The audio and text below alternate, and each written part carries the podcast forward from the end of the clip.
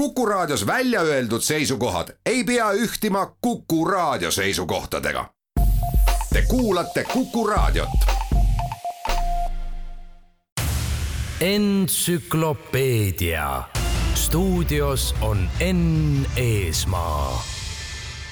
tere teile kõigile entsüklopeedia teabeseriaali tänases saates meenutame Eesti olümpialiikumise algust ning esimesi medalimehi, sest meie naised esialgu olümpiamängudel veel ei võistelnud.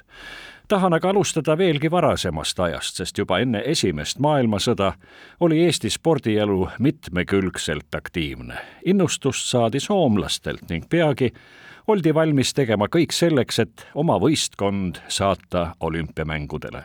selleks oli vaja moodustada spordi katusorganisatsioonid, nii kodumaine olümpiakomitee kui Eesti Keskspordiliit. oluline oli aasta tuhat üheksasada üheksateist. septembris võistlesid meie sportlased Helsingis Soome mängudel. novembri lõpus aga toimus Tallinnas Eesti spordikongress teiste küsimuste kõrval räägiti palju Eesti Olümpiakomitee asutamise vajadusest, mis oleks andnud ning andiski võimaluse me sportlastel võistelda juba aastal tuhat üheksasada kakskümmend Antwerpeni olümpial.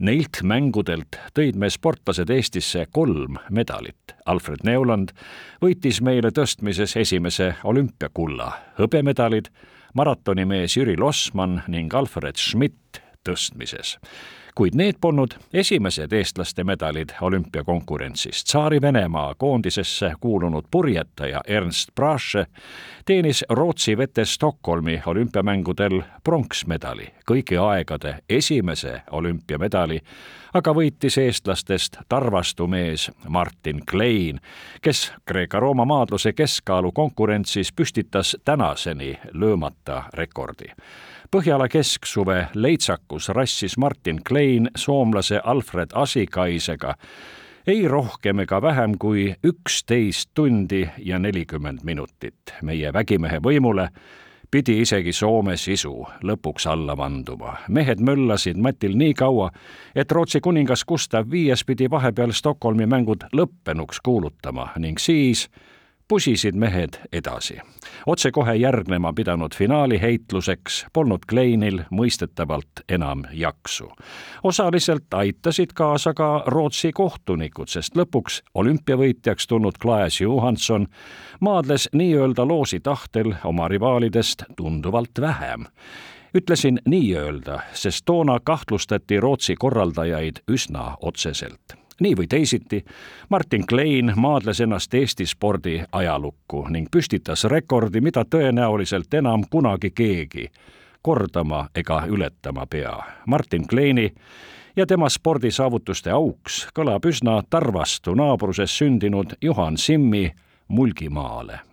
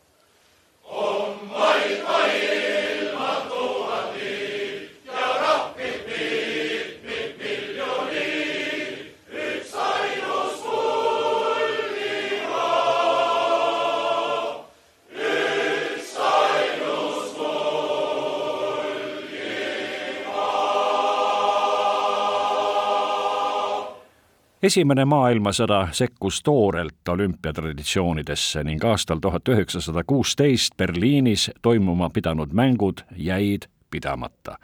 Mais tuhat üheksasada kakskümmend kolm saatis Tallinna Prantsuse saatkond kirja, millega ametlikult kutsuti Eesti sportlasi osa võtma Pariisi olümpiamängudest aastal tuhat üheksasada kakskümmend neli.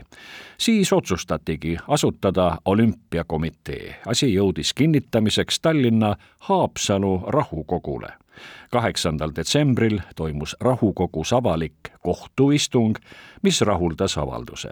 viieteistkümnendal detsembril kinnitas rahukogu esimees Karl Hellat olümpiakomitee põhikirja ning kaheksandal jaanuaril tuhat üheksasada kakskümmend neli valiti Eesti Spordi Keskliidu juhatuse koosolekul olümpiakomitee liikmed. teiste hulgas said liikmeiks Jaan Tõnisson, Kaarel Eenpalu, Oskar Kallas, Johann Laidoner ning tollane Eesti välisminister Karl Friedrich Hakel, kellest sai olümpiakomitee esimene esimees.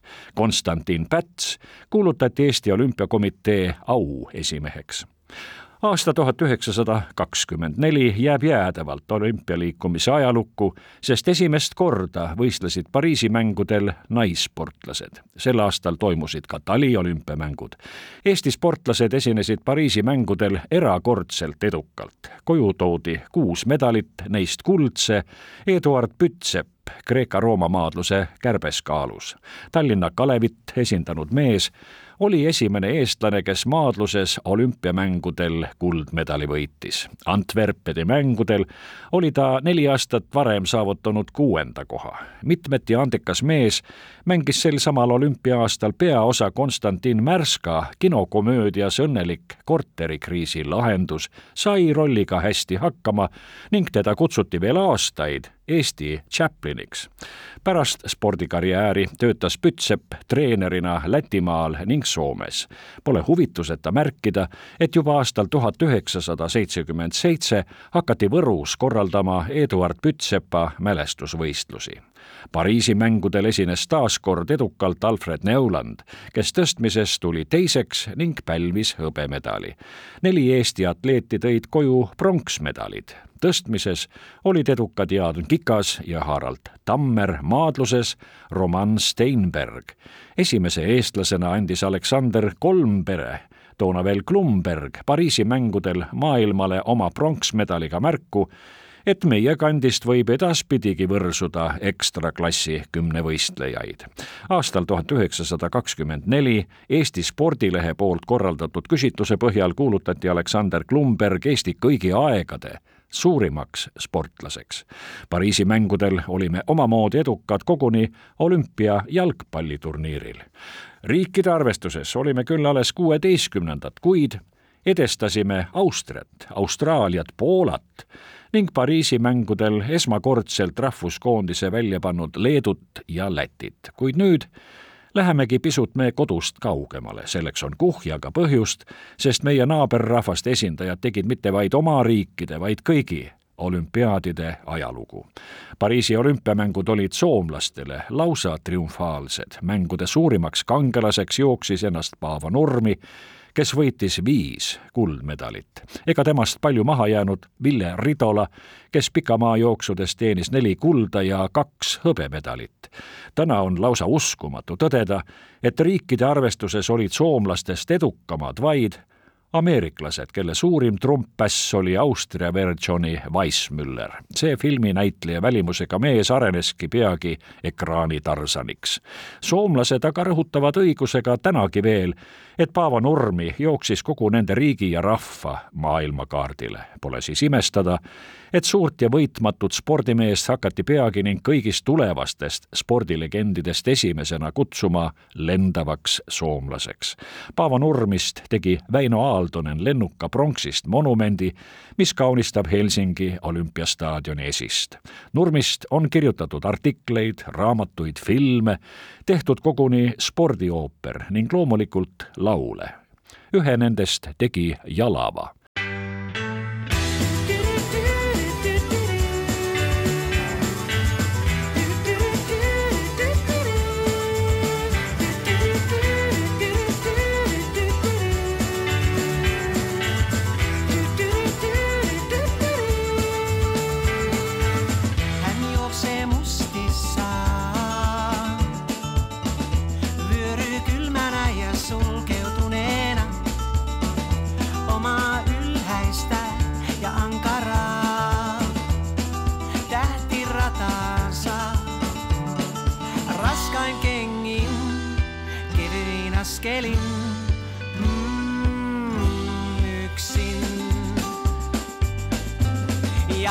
hänessä on pelottavaa ylivoimaa.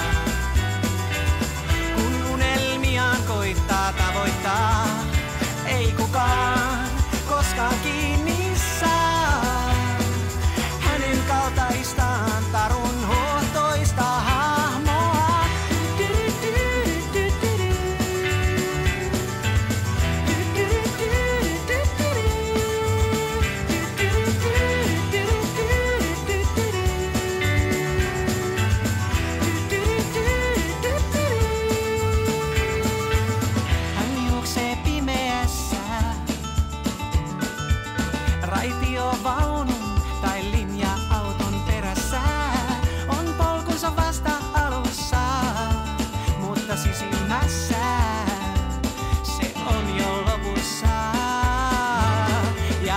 hänessä on pelottavaa ylivoimaa kun unelmiaan koittaa tavoittaa, ei kukaan koskaan kiinni saa. Hänen kaltaistaan tarun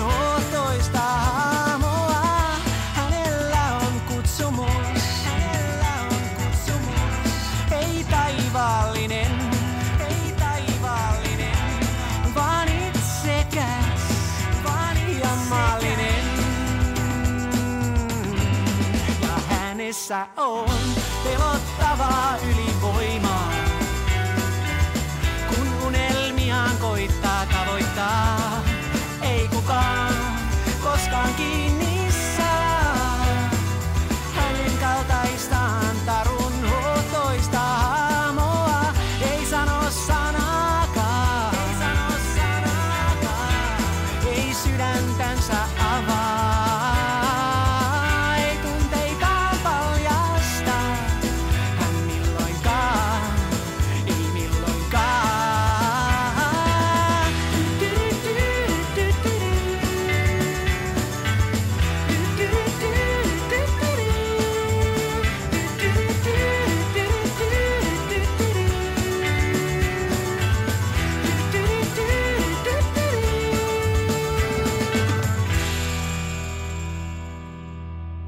aasta tuhat üheksasada kakskümmend jääb olümpiamängude ajalukku suuresti sellegi tõttu, et toimusid esimesed talimängud. ametlikult nimetati neid tagasihoidlikult Pariisi olümpiamängudele pühendatud talispordinädalaks.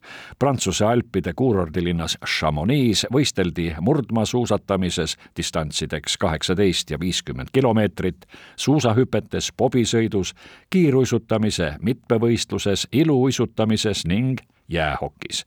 seega üsnagi toimekas talispordinädal. eestlased Chamonix paraku veel ei võistelnud, küll aga tegi seal oma esimese rahvusvahelise võistluse tulevane Norra uhkus toona alles üheteistkümneaastane iluuisutaja Sonja Heni. tema kuldaeg saabus nelja aasta pärast ning jätkus veel kahel olümpiatsüklil. olen Oslo lähedal käinud Sonja Heni poolt rajatud kunstikeskuses, kus mitme maailmaklassi kuuluva maali kõrval on välja pandud kõik selle väikest kasvu spordisangari, medalid, olulisemad fotod ning filmilõigud. loomulikult meenutatakse ka neid menufilme, milles Heni kaasa tegi. esimesena tuleb kindlasti kõigile meelde päikesepaistelise Oru serenaad, milles mängis ja iluuisutas toona juba ekraanilemmik Sonja Heni. kokku esines valgeks luigeks kutsutud olümpiamängudel kolm kuldmedalit ning kümme maailmameistri kulda võitnud Heni neljateistkümnes filmis. ta asutas oma jäärevüü trupi, mille esitäht ta ise mitugi hooaega oli. üks tema püstitatud eesmärkidest kõlas nii, tahan uiskudel saavutada sama, mida Fred Astaire tegi tantsus. üldise arvamuse kohaselt oli Sonja Heni kahekümnendal sajandil suurim ja olulisim norralanna. meestest on raske leida rahvusvaheliselt tunnustatumat norralast kui Edward Grieg. järgmisena kõlav Norra tants olnuks Sonja Henile iluuisutamiseks ehk pisut aeglase võitu, kuid mine tea, see naine tegi jääl imet, nii nagu Grieg muusikas.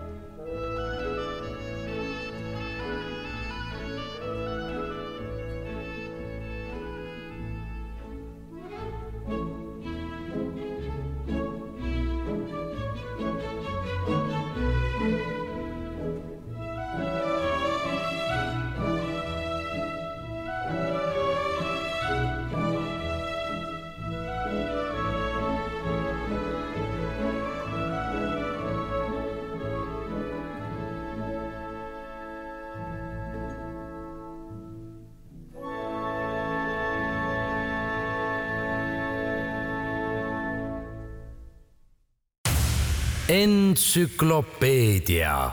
stuudios on Enn Eesmaa aastal tuhat üheksasada kakskümmend kaheksa peeti olümpiamänge Amsterdamis. esimest korda võitsid eestlased kaks kuldmedalit. jälle olid tublimad meie maadlejad Oswald Käpp vabamaadluse kergekaalus ja Voldemar Väli Kreeka-Rooma stiili sulgkaalus. Käpp oli visa ning suure tahtejõuga sportlane pikkust, oli tal meeter seitsekümmend kolm, mees kaalus vaid seitsekümmend kilo vaatamata sellele, et töötas Tallinna Comfeki vabrikus. pärast olümpiavõitu Oswald Käpp elas ja tegi sporti USA-s, tegi sedavõrd edukalt, et tuli koguni kahel korral USA meistriks. Voldemar Väli on tänase päevani meie raskejõustiklastest kõige rohkem, koguni kolmkümmend neli korda Eestit rahvusvahelistel jõukatsumistel esindanud. Saaremaal sündinud Väli töötas Tallinna sadamas kraanajuhina oma vastaseid, aga tõstis ja pillutas erakordselt edukalt tänu suurepärasele maatustehnikale. ta osales juba Pariisi mängudel, Berliini olümpiamatil aga tuli kergekaalu konkurentsis veel kolmandale kohale. seda saavutust loomulikult märgati, kuid Kristjan Palusalu triumfide vastu ei saanud toona ju keegi. Voldemar Väli asus sõjapäevil elama Rootsi, kus asutas koos oma naisega nukutehase. Amsterdami mängudel võitis Arnold Luhaäär tõstmise raskekaalus hõbemedali, Berliinis aga pronksi. Luhaäär oli mitmekülgne spordimees. ta on ühe korra tulnud Eesti meistriks koguni Kreeka-Rooma maadluses. tema tõsterekordite nimekiri on pikk ja kaalukas. aga palun, kaks maailmarekordit, seitse olümpiamarki ning koguni nelikümmend Eesti rekordit. aastast tuhat üheksasada üheksakümmend kaks peetakse Luhaääre sünnilinnas Mõisakülas temanimelisi mälestusvõistlusi. Amsterdami mängudel võitis Eesti viiemeheline meeskond pronksmedalid purjetamises. kolmandale kohale tuli Amsterdamis Albert Kuznets, kes võistles Kreeka-Rooma stiili kergekaalus. Pariisi mängudel jäi ta napilt medalist ilma, sest pidi tugevas konkurentsis leppima neljanda kohaga aastal tuhat üheksasada kakskümmend kaheksa peeti taliolümpiamänge Šveitsis Sankt Moritzis. esimest korda olid olümpiakonkurentsis ka eestlased, kiiruisutajad Kristfin Purmeister ja Aleksander Mitt. Neist kiiremad ja edukamad olid norralased ning soomlane Klaas Thunberg mängude lemmik oli kahtlusteta St Moritzis oma esimese olümpiakulla võitnud viieteistkümneaastane Sonja Heni. Neil aegadel esines nii Rootsis kui ka Šveitsis üsna sageli meie edukamaid bassilauljaid Benno Hansen. üks ta tuntumaid laule kutsub rahva hulki kokku kogunema otsekui olümpiamängudele, kuid tegelikult on seegi laul Eestist ja me kõigi isamaa armastusest.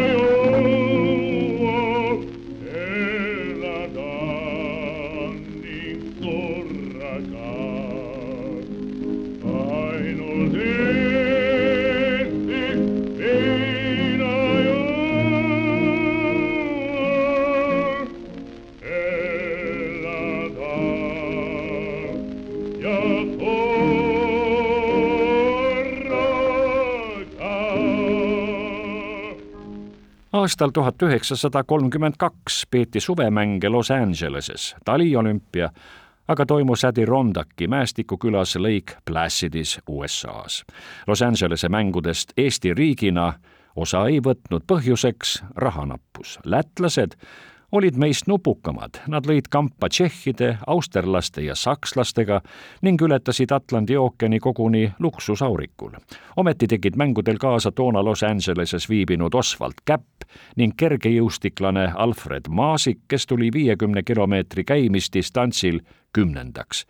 Maasik tegi palju eestlaste kokkuhoidmise toetuseks USA-s. ta oli üks agaramaid Eesti spordimängude korraldajaid Lakewoodis ning kuulutati koguni USA-s korraldatud Eesti päevade aupatrooniks. Alfred Maasik oli tegus isegi veel aastal tuhat üheksasada kaheksakümmend. üsna vana mehena kuulus ta Los Angelese olümpiamängude korralduskomiteesse. nelikümmend kaheksa aastat varem olid Los Angelese mängudel treeneri rollis Valter Palm, kes aitas boksis Soome võistkonda, ning Aleksander Klumberg, kelle juhendatud Poola staier Janus Kusotšinski võitis kümne tuhande meetri jooksus kuldmedali kuigi riigina ei võitnud Eesti Los Angelese mängudel ühtki medalit, suutsid seda kaks eestlast ometi.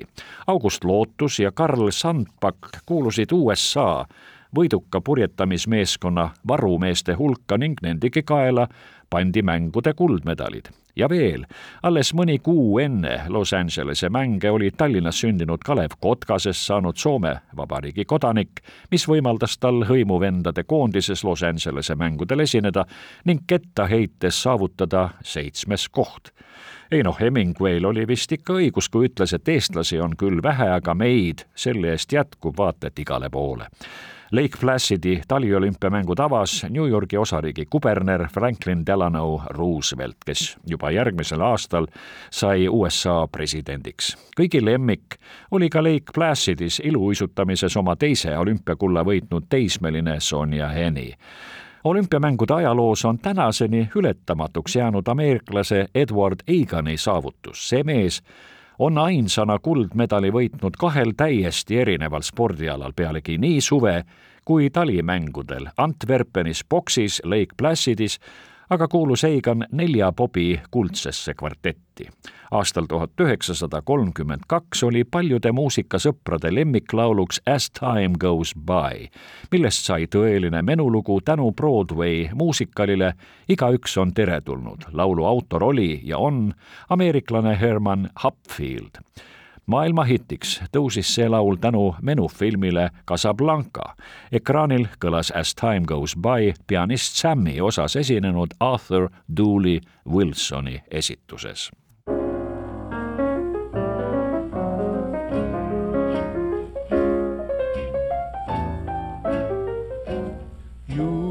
Must remember this. A kiss is still a kiss. A sigh is just a sigh.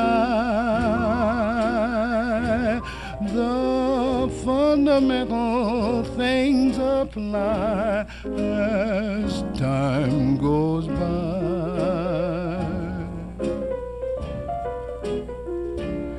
And when two lovers woo, they still say I love you. On that you can rely. No matter what the future brings as time goes by.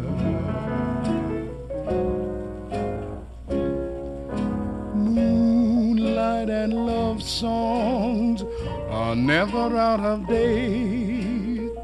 Hearts full of passion, jealousy, and hate. Woman needs man, and man must have his mate that no one can deny. It's still the same old story a fight for love and glory, a case of do or die. The world will always welcome lovers as time goes by. And love songs are never out of date. Hearts full of passion, jealousy, and hate. Woman needs man, and man must have its mate that no one can deny. It's still the same old story a fight for love and glory, a case of do or die.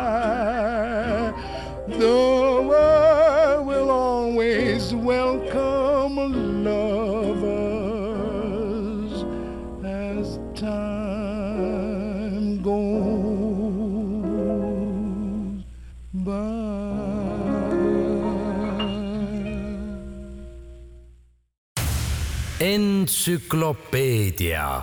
Stuudios on Enn Eesmaa. Eesti olümpiaajaloo esimesed edukaimad. Seitsme medaliga lõppenud mängud toimusid Berliinis aastal tuhat üheksasada kolmkümmend kuus. Jätan natsimeelse õhkkonna Hitleri ja Leni Riefenstahli oma juttudest üsna välja, sest meenutamist väärib Eesti sportlaste esinemine. triumfaalselt võistles ja võitis Berliinis Kristjan Palusalu. maailma Kristjan oli parim nii Kreeka, Rooma stiili kui ka vabamaadluse raskekaalus. sama on seni suutnud korrata vaid rootslane Ivar Johanson, kes tegi vägitegusid Los Angelese mängudel. tõsi küll, Johanson võitis ka Berliini mängudel Kreeka-Rooma stiili maadluses kuldmedali, kuid tema võistles keskkaalu kategoorias. Eesti Raadio Fonoteegis on mõnigi helimeenutus Kristjan Palusalu saavutustest Berliini mängudel. Oskar Lõvi esitas küsimusi üsna kohe pärast esimese kuldmedali võitmist. Palusalu vastas nagu üks tüüpiline Eesti mees, mitte just eriti sõnarohkelt. Õnneks ta sõnaosavuses ei võistelnudki, ikka maadluses. ja seal sooritatu võttis ja jättis Palusalu kogu maailma sõnatuks. kas sulle anti pärg kätte, me tutvusime ju enne ära. pärgi küll ei saanud, aga tammepuu sai nii, tähendab, et harilik kord näeb ette, et igale olümpiavõitjale kuldmedalimehele antakse olümpiatamm, väikeses potikes, mida ta viib kodu ja igaveseks mälestuseks, oma võidu igaveseks jäädvustamiseks hakkab nii-öelda kasvatama.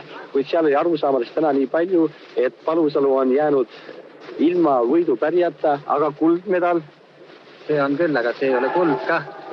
see on nii, nagu olümpiakomme on, et ainult kullatud, on see, on ta sul praegu taskus? ja on. nüüd sa tahad uuesti edasi maadelda? jah kellega on järgmine matš on kohe? mis ta nimi on? no kas sa nüüd tahad saada koduste tervised või kõneled veel oma muljetest? ja kõigil palju tervist. aga mis su, mis su muljed siin mängudelt on juba vastastest? kõnele, kõnele. Pole enam midagi kõneleda. aga kuidas su väljavaated on nüüd edasi Prantsuse, Rooma, Prantsuse maadluses? seda näeb veel edaspidi aga kas sa helitad lootusi? no peaks olema. ah, peaks olema, see tähendab, et, et võib olla veel võimalusi teiseks olümpiamedaliks teine, kes Berliini mängudelt Eestisse kaks medalit tõi, oli maadleja August Neo, kes vabastiili poolraskekaalus tuli teisele kohale, Kreeka-Rooma maadluses aga kolmandaks. temagi läks sõjapäevil Rootsi, kus töötas autojuhina, hiljem aga oli mehaanikatöökoja omanik. legendaarse poksitreeneri Nikul Maatsoo õpilane Nikolai Stepulov võitis Berliini mängudel kergekaalu konkurentsis hõbemedali. Berliini mängudel olid tippvormis ka Arnold Luhaäär tõstmises ning Voldemar Väli Kreeka-Rooma stiilimaadluses. mõlemad mehed tõid Eestile ning Eestisse pronksmedalid. talimängud peeti aastal tuhat üheksasada kolmkümmend kuus Baierimaal Garmisch-Partenkirchenis mõned head aastad tagasi käisin ka mina sel olümpiastaadionil, mis aastal tuhat üheksasada kolmkümmend kuus lausa pulbitses haakristi lippudest ning ideoloogiast, mis ei jäänud maha stalinismile. mängu tavas Füürer, nagu öeldakse isiklikult. tänaseni on alles tribüün, millel ta oma kõlaval kõuehäälel tavapäraste pikkade tiraadide asemel vaid ühe aga talisspordipeo avamiseks hädavajaliku lause ütles.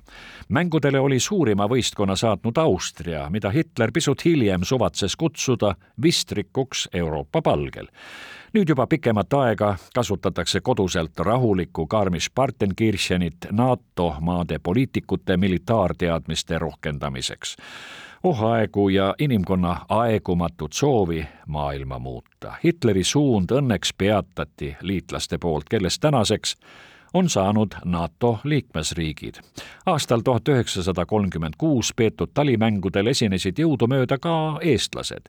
Helene Michelson võistles oma konkurentidega iluuisutamise paarissõidus, tema partneriks oli toona juba neljakümneaastane Eduard Hiop, kelle mitmekülgsust spordis võib üksnes kiita ja kadestada. piisab, kui ütlen, et juba St Moritzis, tõsi küll, Eesti koondise esindajana osalenud Hiop oli juba aastal tuhat üheksasada neliteist Venemaa olümpiaadil Hoota kaugushüppes võitnud esikoha. Karin Beckert-Forsman esindas Eestit Alpi kahevõistluses, ta oli esimene Eesti naissportlane, kes olümpiatasandil starti asus. kiiruisutaja neljakümne kolmekordne Eesti meister Aleksander Mitt oli juba St Moritzis olümpiakonkurentsis võistelnud nii siis, kui Garmisch-Partenkirchenis jõudis ta oma tulemustega esimese veerandsaja algusesse. Tartus politseikonstaablina töötanud Mitti ootasid paraku ees rasked ajad. ta suri Taara linnast kaugel vangilaagris, koguni enne, kui NKVD talle surmaotsuse jõudis väänata. Vello Kaaristo esindas Eestit suusatamises. olümpiakonkurentsis jäeti kolmekordne Baltimaade meister kiirematest küll mõne minuti kaugusele, ent kahekümne kolmas koht maratoni distantsil oleks meie tänastelegi suusatajatele kiiduväärt saavutus. läbi ja lõhki spordimees Kaaristo oli tasemel tegija ka poksiringis ning kergejõustikus. teda võivad mäletada me vanemad kuulajad, kes Võru kandis elavad. Vello Kaaristo töötas kuni aastani tuhat üheksasada viiskümmend Võrumaa spordikomitee esimehena. Garmisch-Partenkircheni ehk lühendatult GAPA mängudel oli esimest korda näidisalana kavas kurling taliolümpia suurim staar oli taas kord Sonja Heni, kes Garmisch-Partenkirchenis võitis juba kolmanda kuldmedali. temast oli vaimustatud ka Adolf Hitler, kes võitmatule norralannale tegi väärikalt härrasmeheliku kingituse. peagi kogu maailma võitma asunud Füüreri megamõõtmeis portree koos autogrammiga. mõne aasta pärast alanud ja peagi maailmasõjaks muutunud tapatalgud lõid järjekordse otsustava mõra olümpiamängudele, mis kunagi ammu vähemalt mängude ajaks sõjad lõpetasid. esimesed pärast sõda toimunud olümpiamängud tõid Londonisse ja St Moritzisse kokku suuresti muutunud maailma spordiparemiku. Baltimaad olid gloobuselt iseseisvate riikidena kadunud, eestlased Londonis kaasa ei teinud. seda rohkem elasime toona ning ausalt öeldes kõigil Nõukogude Eesti aastail kaasa soomlastele. filminäitleja välimuse ning mehise baritoni häälega Tabio Raudavaara võitis Londoni olümpiamängudel odaviskes kuldmedali. paljudele ehk üllatuseks tuli Tapsa kullale ka kümme aastat hiljem, sedakorda maailmameistriks Soomet vibulaskmises esindanud võistkonna liikmena Tabio Raudavaara olevat Johnny Weissmülleri loobumise järel olnud üks peamisi kandidaate Tarsani rolliks, sest Džungli kuningas tehti vaatajate rõõmuks üha uusi seiklusfilme. Suomi filmis tehti Raudavaaraga tubli kakskümmend mängu- ja muusikafilmi. eestlaste osavõtust ja võitudest järgnevatel olümpiamängudel teen kindlasti jutte mitte just üleliia kauges tulevikus. Neid mehi ja naisi mäletame tänutundes kõik veel üsna hästi kuid aeg möödub kiiresti ning mõnikord on tore, õigemini aga uhke ja austav meenutada neid, kes Eestile on kuulsust toonud. tänase saate lõpuks mängin teile Londoni olümpiamängude sangari Tabio Raudavaara üht kõige kaunimat laulu ta otsatust repertuaarist. vanaisa õlgkübar võtab meeldejäävalt ja liigutavalt kokku inimeste elu ja saatuse ning sellegi, mis meist alles jääb. tippsportlaste puhul on need teadagi medalid ja säravate võitude statistika, mõnestki meist ja teist jääb alles vaid tolmune õlgkübar kusagil pööningukarbis, kuid kallis mälestus on seegi ja seda tunnet peab austama. Tabio Raudavaara laul just sellest räägib. Kuulmiseni järgmisel laupäeval, siis stardime uutele teemade radadele, sest entsüklopeedia huvitub enam-vähem kõigest ja kõigist me uudishimu väärivast.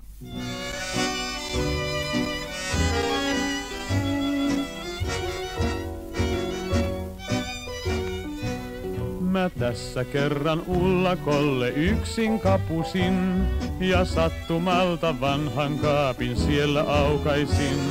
Mä sitä pengoin mitä lienen oikein etsinyt, niin löysin vanhan olkihatun siitä kerron nyt. Sen pölystä kun puhdistin ja sitä kääntelin, ja ullakolle vanhan arkun päälle istahdin. En aikaa tiedä miten kauan siinä viivähdin, kun iso isän tarinaa mä hiljaa muistelin.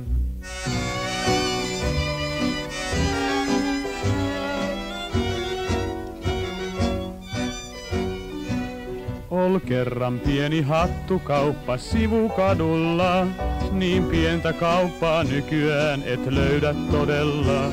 Ja siihen puotiin iso isä kerran piipahti, hän kauan etsi olkihatun viimein valitsi. Vaan valinta se tuskin siinä aikaa vienyt ois. Kas syy on toinen hennonnut, ei millään mennä pois. Kun kerran katsoi myyjättären silmiin sinisiin, niin kaikki hatut ostanut hän kohta olis niin.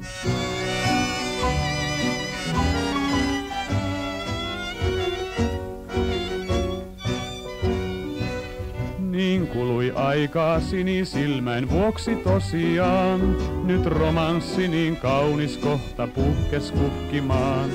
Ja joka päivä iltasin kun kello tuli kuus, nähtiin eräs herrasmies ja olkihattu uus.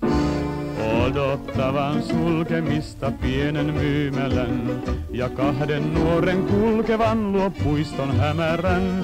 Ei kauniimmin tää satu pieni päättyä nyt voi, kun kerran syksyn lehtien hääkellot heille soi.